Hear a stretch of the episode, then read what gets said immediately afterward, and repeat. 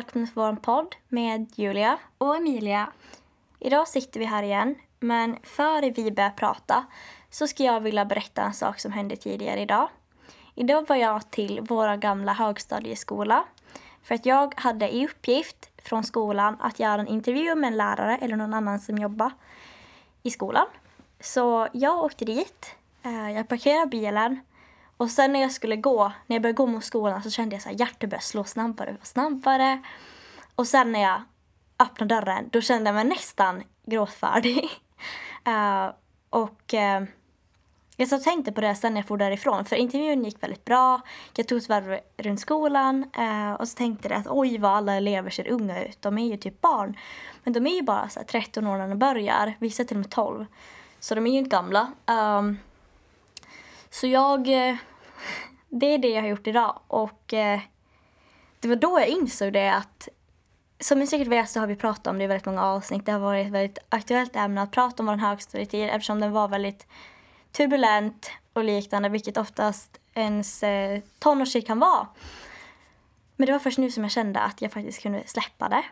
Att eh, jag kunde lägga det bakom mig. För jag insåg det när jag gick in där och jag kände att kroppen reagerade jättestarkt på det. Eh, så insåg jag ändå det att ja, men det är över. Jag är inte, jag är inte kvar där. Eh, utan jag är en helt annan person nu än vad jag var då. Eh, så det var väldigt skönt. Så jag kände att jag måste bara berätta det. Och just det här, men all ilska som man har känt mot det, att det finns inte kvar längre. Men idag ska vi inte prata om högstadiet utan idag har vi tänkt prata om ett annat ämne som faktiskt berör skolan. Och det är studieteknik, presentationsteknik och vad man ska tänka på under provtillfällen. För nu har vi ju ändå för länge, länge sedan lämnat högstadiet. Det, vi är faktiskt inne på vårt tredje år nu. Och det är inte alls mycket kvar. Eh, så då så tänkte vi prata lite, ja vad har vi lärt oss och eh, ja, vad har förändrats? Eh, men även just, ja vad kan man tänka på då? För vi vet ju att många har ju svårt att presentera och att skriva uppsatser och liknande. Så då tänkte vi att vi kan ju, ja, kanske hjälpa.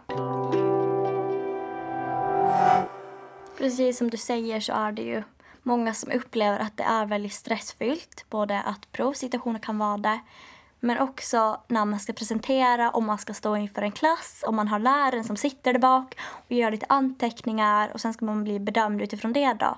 Så det är klart att det kan vara väldigt, väldigt nervöst. Men vi båda tycker ju om att just presentera. Och eh, jag vet inte om du tycker om att skriva prov, men du verkar ju inte tycka att det är något illa längre. Idag har jag ju inte något problem längre. Jag tycker det är väldigt, väldigt kul att skriva prov och att presentera. Men så har det inte alltid varit. Eh, men i alla fall. Eh, för ett år sedan så gick jag en svenska kurs som handlade om presentationsteknik eftersom jag tänkte ja men det är väldigt roligt och jag behöver bli bättre på det. Så redan under första lektionen fick vi hålla en oförberedd presentation. Och hjärtat bultade, stressen var hög, men jag klarade det. Och några veckor senare i slutet av perioden så förberedde jag mig inför ett nationellt prov på gymnasienivå som man då gör muntligt. Och det innefattade en del där man skulle ha en gruppdiskussion och sen en presentation som man höll själv. Eh, och jag ville ju få bra i det här så jag la väldigt, väldigt mycket tid på att söka information och troligtvis över tio timmar på att memorera allt. Och det gick bra, nästan bättre än förväntat, men jag fick ändå eh, kritik. Eh, men jag fick ju även positiv feedback såklart. Och eh, det här var någonting som var väldigt lärorikt. Just att ja, men man behöver inte vara jättestressad när man håller en presentation. Just som när man gör det mera. Så det är inte heller ett lika stort problem eftersom det hade vi gjort under så många veckor. Men även trots alla de här timmarna med övning så var det ändå, ja, eh, du hade lite lite ögonkontakt med publiken i början. Du kanske pratade lite snabbt och så. Eh, så för mig så det ju slutat vara ett problem utan istället ser jag fram emot att kunna prata framför folk och att kunna framföra det på ett bra och intressant sätt. Eftersom jag vet hur jobbigt det kan vara att lyssna på någon som har ett tråkigt föredrag. Eh, man vill ju göra det så spännande och bra som möjligt. Men ja, Julia, hur har det gått för dig i gymnasiet? Jag har inte presenterat så många gånger utan det är endast ett par fåtal gånger som jag har hållit en presentation just framför en klass eller för en lärare. För inte så länge sedan så hade jag en presentation för tre bedömare i en kurs som jag har läst och eh, det gick väldigt bra. Men eh, tidigare och fortfarande så kan jag uppleva saker som att eh, just att hjärtat börjar slå, händerna skakar och jag måste liksom hålla händerna på någonting för att de inte liksom ska skaka för mycket. Jag tappar lätt bort mig på ord. Alltså att jag snubblar lite på orden och det kan jag göra ibland när jag poddar också. Eh, och lite sånt. Men annars så tycker jag att det är väldigt roligt, precis som vi har sagt tidigare. Som den här senaste presentationen som jag hade, det fick jag en femma i. Alltså hela kursen. Och eh, ja, det är det bästa man kan få. Och de var liksom nöjda. Allt var bra.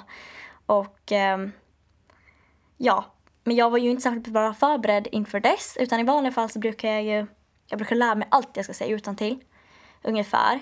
Eh, men under den gången då hade jag skrivit ihop min powerpoint bara någon minut före. Och sen så hade jag skrivit en uppsats som jag baserade min presentation på. Och jag hade lärt mig det. Så jag pratade nästan utan till Utan att ens ha memorerat det här. Och eh, de var så här, ja men det är ju det som uppnår de här högre vitsorden. Och eh, jag själv kan ju uppleva en viss frustration när man ser sådana som presenterar men de pratar väldigt lågt, de kollar på powerpointen, de är lite osäkra och så. Eh, just eftersom jag själv inte har några svårigheter med det. Men samtidigt så förstår jag även att det finns de som har det. Och det är ju det vi skulle vilja uppnå med det här egentligen. Att eh, mer, flera människor ska börja se det som något roligt istället för, istället för som något jobbigt. Och precis som du säger så kan det säkert hjälpa med att man gör det här regelbundet. För i början när man gör något nytt så är det alltid lite nervöst. Men snart så kommer man ju känna sig hemma och man kommer kunna ha en annan kontakt med åhörarna. Man kommer kunna planera efter målgrupp eh, och liknande beroende på ja, men vad det är för syfte man har. Ska man bara informera eller vill man lägga in sina personliga åsikter i det? Att det här med att presentera, det blir typ så mycket mera. Att ja, vad är syftet med det här? Vad är målet? Vad vill jag att de här människorna ska ta till sig? Så för mig så är det någonting jag tycker är väldigt roligt och i framtiden ska jag absolut ja, men vilja föreläsa eller liknande. Det skulle jag tycka var väldigt roligt. Um, så ja, jag har haft det väldigt jobbigt. Speciellt när jag gick i sjuan och då satt jag ner hela presentationen och jag var så rädd. Men uh, det är någonting som har gått över. Um, men just den här stressen, den finns det ju alltid lite kvar men det är inte något större problem. Så ja, jag tycker att det är kul att presentera. Ja, alltså just där under högstadietiden så är det ju en väldigt känslig period eh, och hjärnan utvecklas väldigt mycket då. Så då kan man ju trösta sig med att det kan ju bli bättre eh, om man har problem nu. För så blev det mycket för mig, att det nästan automatiskt blev bättre jämfört med högstadiet. För det var ju egentligen första gången nästan som man hade en presentation själv. Um, och sen får man ju tänka just där med den här stressreaktionen som man kan få före. Så man bara försöker tänka ja, men det här är någonting bra. Det här kommer göra att min presentation blir bättre. Så då kan liksom just den här stressen tillföra något, något positivt istället för åh jag är så stressad, jag är så stressad. För då blir det oftast bara värre. Jag kommer ihåg det typ, ja rösten skaka. Man typ höll i någonting för att händerna skaka. Hjärtat slog så hårt så att man trodde att det skulle falla ur bröstet. Uh, och det, det är över nu. Och jag hade en lärare som sa en väldigt intressant sak häromdagen. För vi hade psykologi då. Eh, och han berättade att just i början av hans lärarkarriär så, ja, jag vet inte om det var när han utbildade sig eller så, eller om det var efter. Men just att man typ inte ser eleverna, alltså man ser inte dem som man pratar med. Men sen just när man har hållit på och lärt ut till folk och stått inför folk hela tiden, flera timmar, dag ut, dag in. Så då så lägger man märke till typ allt. Ja, den där blundar, den där verkar tycka det är tråkigt. Och det kan jag verkligen relatera till. Just att när jag presenterar så är det som att allt blir suddigt. Och så det tyder ju jag att allt blir bättre bara man övar på det. Vi har tänkt ge några tips för dig som ska presentera eller för dig som i framtiden kommer att presentera. Det som är viktigt det är att om du får välja ett valfritt ämne så välj ett ämne som, ett ämne som intresserar dig eller som du har förkunskap inom redan. För det gör det enklare. Och sen kan du samla ihop så mycket fakta som möjligt och eh, lär dig gärna inledningen utan till eftersom det ger dig en god start på det hela. Sen så har jag läst på lite olika att eh, det här med, jag föredrar att lära mig det mesta utan till men jag tycker också om att kunna improvisera. Och eh, när man föreläser så är det bra om man har planerat eh, så man vet vad man ska säga. Men det är inte bra om man har planerat det alltså i minsta detalj för att då blir det rätt lite stakigt och eh, det blir svårare just att improvisera. Och det är bra om man kan prata fritt kring ett ämne. Och sen så är det viktigt att du ja, men tar plats i rummet. För jag tänker precis som du sa, när man går i högstadiet så kanske man är lite osäker och det är så här, oj oj oj, nu ska jag stå här framför alla. Utan liksom, det är viktigt att man tar plats i rummet, att man står stadigt, att man inte håller på så med händerna och sånt. Utan att man ja, men står där. Och jag tänker du som har gått den här kursen kanske har mera hjälpmedel än vad jag har. Eh, så det vi fick lära oss på den här kursen Eh, det var ju bland annat det som du sa just Julia. Eh, men just det här att det blir lätt att man kanske typ håller i ett bord, håller i en kant, står stilla, håller på att liksom fumla med händerna. För vi fick göra så att vi fick gå upp, stå själva tysta en minut framför alla andra. Och vi ska bara stå där. Och det är just det här med typ kroppsspråk. Ja, men, stå inte med händerna i fickorna. Utan försök liksom att ha ett mer öppet kroppsspråk just om du talar. Annars kan man knäppa händerna framför sig. Just att man inte blir stressad över det. Ja, ah, vad ska jag göra med mina händer? Ja, men bara knäpp dem. Men det bästa är just om man kan använda ett bra kroppsspråk. För om man, om man kan det man pratar om, då blir det också att man använder kroppsspråk på ett naturligt sätt. Och då, blir, då förtydligar ju det också till den som lyssnar. Och just det, ha en bra inledning. Du måste liksom fånga publikens intresse. Ja, men det här är intressant. Hon vill jag lyssna på. Och Det här är något som måste vara under hela presentationen. Man måste liksom ha kvar intresse och man måste hålla det relevant och att man även har en röd tråd. Och just det är bättre att man håller det lite pedagogiskt. Till exempel om man, om man talar om ett komplicerat ämne. Då är det bättre, ja men, berätta det på ett lätt sätt. Det är ingen som behöver veta årtal eller när han dog eller liknande om man pratar till exempel om en författare eller så. Utan det viktiga är ja, att man kan få andra att förstå. Eh, och, eh, men det är i alla fall väldigt kul att kolla på när andra presenterar för vi fick ju utvärdera varandra. Så vi satt där och bedömde, eh, bedömde varandra då. Och då är det just vissa upprepar ord jättemycket och det är vi i podden också. Till exempel ja, säger vi ibland och liksom och då. Det är ju egentligen olika tics som man har. Det går ju att klassa som ett tics. Och eh, det är till exempel ja, att man har ett taltics, om man säger ähm eller liksom och liknande. Och det är väldigt bra om man får bort det, men ofta så gör man just de här ticsen omedvetet. Inte lägger man märke till att man håller på och fumlar med händerna eller att eh, ja, men man gör olika saker som kanske publiken lägger märke till. Så därför är det faktiskt väldigt bra om man just eh, gör som ni gjorde eller om man filmar sig själv. Till exempel så kan man stå framför spegeln och eh, prata. När jag gick den här kursen och, och hade det här eh, föredraget så hade vi ju, det var ju två bedömare och en, en utomstående. Eh, och då filmade de oss. Och det var nog riktigt stressigt för då skulle de liksom kolla tillbaks på det. Eh, och jag tänker just att, ja, att det kanske är bra om man typ filmar sig själv eller presenterar för någon annan. Just som jag kommer ju ofta in i ditt rum och jag måste presentera det här. Nu tänkte vi gå vidare och prata lite om studieteknik. För redan från en ganska ung ålder, när man börjar högstadiet, så får man ju lära sig det att hitta din studieteknik för då kommer det mycket lättare att lära dig saker. Och jag har aldrig haft någon studieteknik överhuvudtaget. I högstadiet, när jag väl tränade på något prov och ansträngde mig, då försökte jag bara läsa i boken. Jag läste kapitlerna, fick ändå inte in det i huvudet, gick och skrev prova och det gick troligtvis väldigt dåligt. Och orsaken till att just historien gick bra, det var ju för att vi hade en bra lärare som gjorde att jag lärde mig det utan till. Men Eh, i dagens läge så har jag en studieteknik som passar för just mig. Men när vi pratar om våra studietekniker så är det ju så att det behöver ju inte passa just dig. Så fast vi ger dig vissa råd så behöver du inte det stämma överens om hur du uppfattar det och så. Eh, men det är lite saker som funkar för just oss. Så jag tänker Emilia, du kan väl börja berätta om din studieteknik om du har någon. Ja, det är så kul.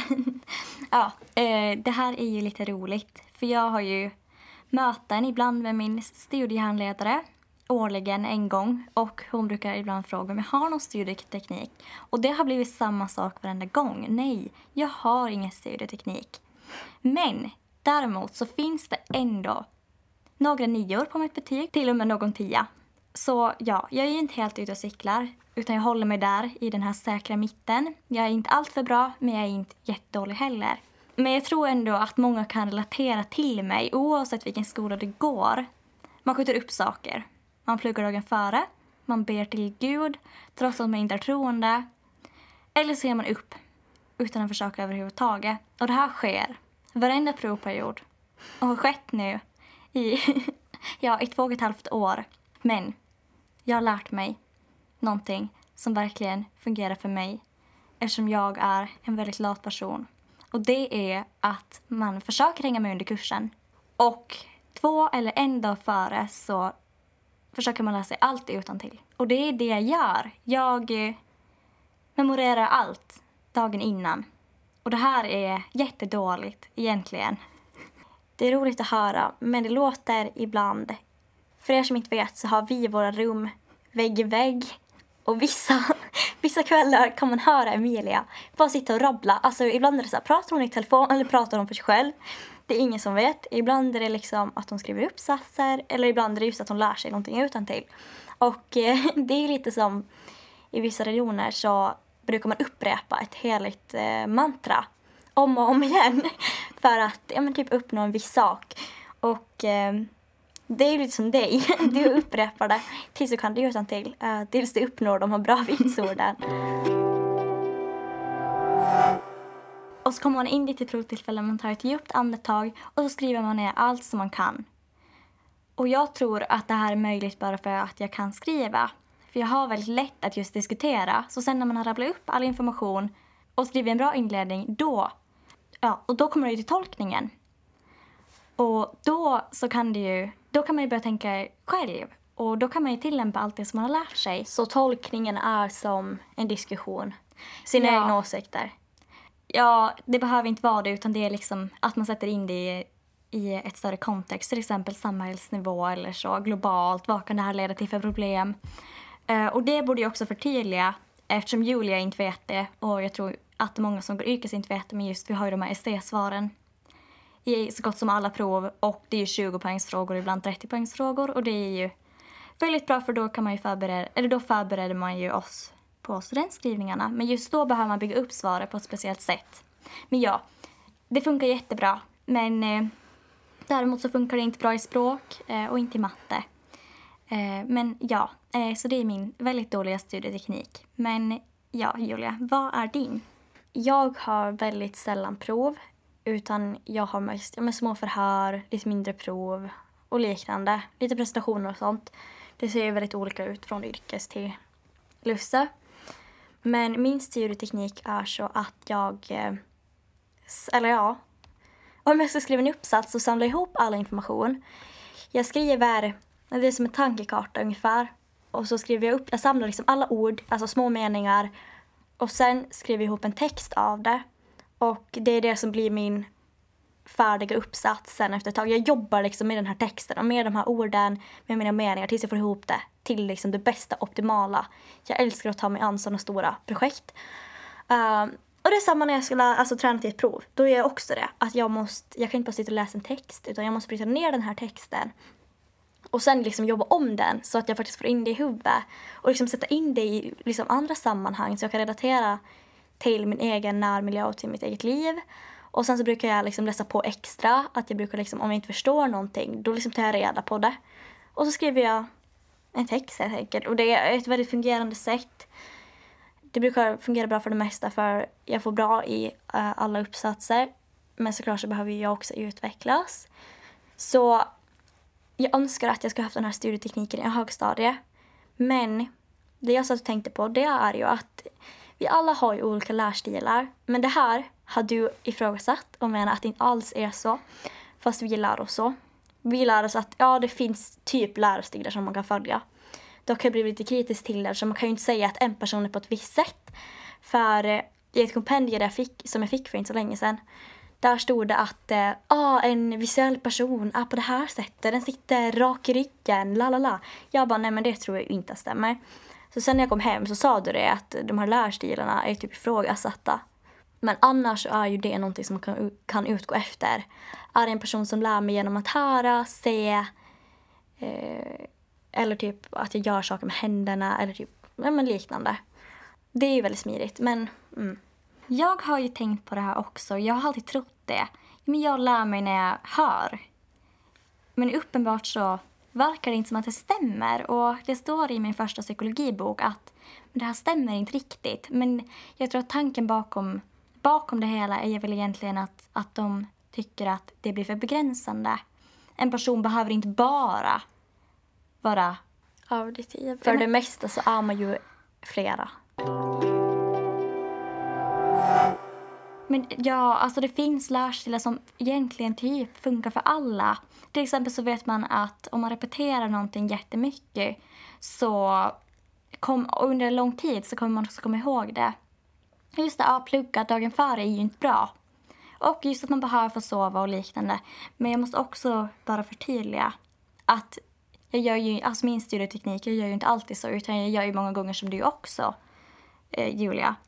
Eh, så just inför studentskrivningarna, jag skrev ju tre prov i höst och då var det nog tre veckor varenda dag, fyra timmar per dag. Sammanfattningar, läsa, sammanfattningar, läsa. Nyckelord, eh, nyckelbegrepp, memorera, memorera, allt det. Eh, just att jag tänker om du ska skriva studenter så är det bra att veta att där måste lägga jättemycket tid. Och det gjorde ju jag, så dum var jag ju inte. Just att man förstår det att det krävs mycket jobb. Så det enda sättet att komma fram till vilken studieteknik som passar just dig, alltså det är ju att testa sig fram. Ja men passar det för mig att jag, att jag bara läser på det här eller behöver jag göra något mera? Eller går det jättebra att jag lyssnar på en lärobok eller liknande? Så det är det du får lov att göra. Uh, och det hjälper väldigt mycket om man har en studieteknik som passar just dig. För det kan man alltid använda sig av. Förutom i vissa ämnen, som till exempel matte funkar det ju inte riktigt i. Och uh, som du sa så är ju repetition nyckeln till ja, men lärande. Och sen det här med att det är väldigt viktigt med andra saker också. Till exempel att uh, det du lär dig är på rätt nivå. Att som när man lär sig något nytt då ska det vara typ 90 procent som är bekant och 10 procent som är nytt. Det går det att utgå efter då. Eh, det finns ett eh, fenomen inom psykologin som jag tror kallas närutvecklingszon. Det var Vygotsky, tror jag, en ryss som kom på det här. Och det är ju kanske bra att tänka. Jag menar att det kanske lönar sig om du studerar med en vän som kan ämne mer än dig. För det är inte bara barn som drar nytta av det här att, eh, att lära sig med någon kunnig. Utan då kan du liksom lära dig på en högre nivå än vad du skulle kunna göra själv. bara som lite tips. Och att jag tar stöd nu ifrån ifrån eh, fakta. Som ni vid det här laget vet så har inte jag prov och jag har inte studentskrivningar. Men Emilia, du har ju som sagt skrivit tre prov i höst och jag tänkte att eh, vi ska kunna prata väldigt kort om det eftersom det har tagit lite tid att prata om det här andra. Så Emilia, skulle du kunna berätta lite hur du tänkte och eh, hur det gick till under de här studentskrivningarna? För vad jag förstod så har det gått eh, ganska bra ändå, speciellt i vissa ämnen. Tidigare så berättade jag ju just om om jag att jag studerar väldigt, väldigt intensivt. Och det var ju framförallt psykologin som jag skrev. Och det var ju även det första provet som jag skrev. Och det är lite nervöst. Man sitter där först på infotimmen då de informerar om skrivningarna, vad man ska göra och tänka på. Och sitter man där, har med sin matbricka, har med filt och varma sockor. Och vår rektor ropar upp oss, vi går in, sätter oss på vår plats, väntar på att lärarna ska, eller att en lärare ska komma förbi Eh, och ge en kod. Väntar tills alla elever är inne och sen så får vi börja skriva. Och just det är väl ett, egentligen ett bra exempel på ett prov som är relativt krävande. Och just det, eller anledningen till att vi tar med det här är ju just att, ja men vad man kan tänka på under ett provtillfälle. Att jag kommer in där, sätter mig, börjar skriva. Eller först läser igenom frågan och då är det så här, ja men jag fattar ingenting. Jag förstår ingenting. Eh, hur ska jag någonsin kunna svara på det här? Chock var det. Men sen när man sitter och bearbetar det jättelänge, då går det bra. Och psykologin gick ganska dåligt. Och det var ju tråkigt eftersom jag hade lagt så mycket tid på det. Men sen gick både engelskan och hälsan bra. Och hälsan gick till och med ja, men mer än bra. Eh, men just det här att om man sitter på ett provtillfälle, åh oh, jag vet ingenting, jag kan ingenting, oh, hur ska det här gå? Då ska man bara ta typ ett djupt andetag och tänka, ja men vad har jag lärt mig? Hur kan jag formulera det här på bästa möjliga sätt? Uh, och just att man inte stressar upp sig. Uh, och jag tänker just det till de som ska skriva studenten, kanske i vår eller ja, i höst, uh, att nej, det är ingenting att vara nervös över. För det är väl, jag tyckte det var väldigt trevligt. Att man sitter där, äter lite mat, man, kan, man får gå på toa, och då är ju oftast lärare väldigt trevliga och frågar om vilka ämnen man skriver och så. Eh, men just att, jag vet inte hur andra känner inför provtillfällen men, men det är egentligen inte så stor anledning till att vara nervös för det. Så länge man gör sitt bästa och verkligen skriver ner allt som man kan. Men eh, ja, nej, studentskrivningen är ingenting att oroa sig över. Det är mest roligt faktiskt. I inledningen så berättade jag om att jag hade besökt vårt gamla högstadie och eh, jag hatade skolan då. Jag tyckte det var det värsta jag visste och det hade alltid varit. Större delen av min, av min gymnasietid också. Men idag så tycker jag om skolan. Jag tycker att det är väldigt roligt och jag kan inte föreställa mig att bara börja jobba direkt efter gymnasiet och sedan fortsätta jobba tills den dagen jag går i pension. Utan jag vill studera vidare. Och eh, den här viljan att få de bästa vitsorden har blivit allt högre nu under det här året och det känns dåligt om jag får något annat än bra. Och eh, det är ju endast jag som sätter upp de kraven på mig själv. Eh, men samtidigt när man inser det här, ja men jag har en förmåga, jag kan prestera lika bra som någon annan. Det är väldigt roligt och eh, jag önskar att flera ska tycka att skolan är någonting roligt. För det har jag inte alltid tyckt utan det har ju varit riktigt, riktigt illa. Så jag hoppas jag kan förmedla eh, det till er att kunskap är någonting som är väldigt bra att ha. Att, jag läste i en bok att kunskap är makt. Men det är det ju ändå på ett sätt och kunskap är väldigt bra att ha. Så det vill jag säga till er alla att jag hoppas att flera har den här viljan att, eller får den här viljan att ja, men vilja lära sig mera. För det tror jag att både du och jag har nu, vilket vi inte alltid haft. Så det tycker jag är viktigt att poängtera, att det kan vända. Om du tycker att skolan är hemskt nu så kan det faktiskt bli annorlunda. Och det är någonting som jag vill uppmana till. Att när du börjar gymnasiet, ansträng dig då. Eftersom det är något som jag ångrar nu, att jag inte ansträngde mig mera. Så jag menar, försök verkligen ditt bästa för det kommer spela en väldigt stor roll sen när du ska söka till en annan skola. Och just man kanske inte tycker det är kul men ibland, ibland kan det vara värt det just i det långa loppet. Det är ju verkligen en lärdom som jag har fått. Och ja, det är jättekul att gå i skolan. Det är jättekul. Man får lyssna på gratis föreläsningar. Det kanske du inte har tänkt på.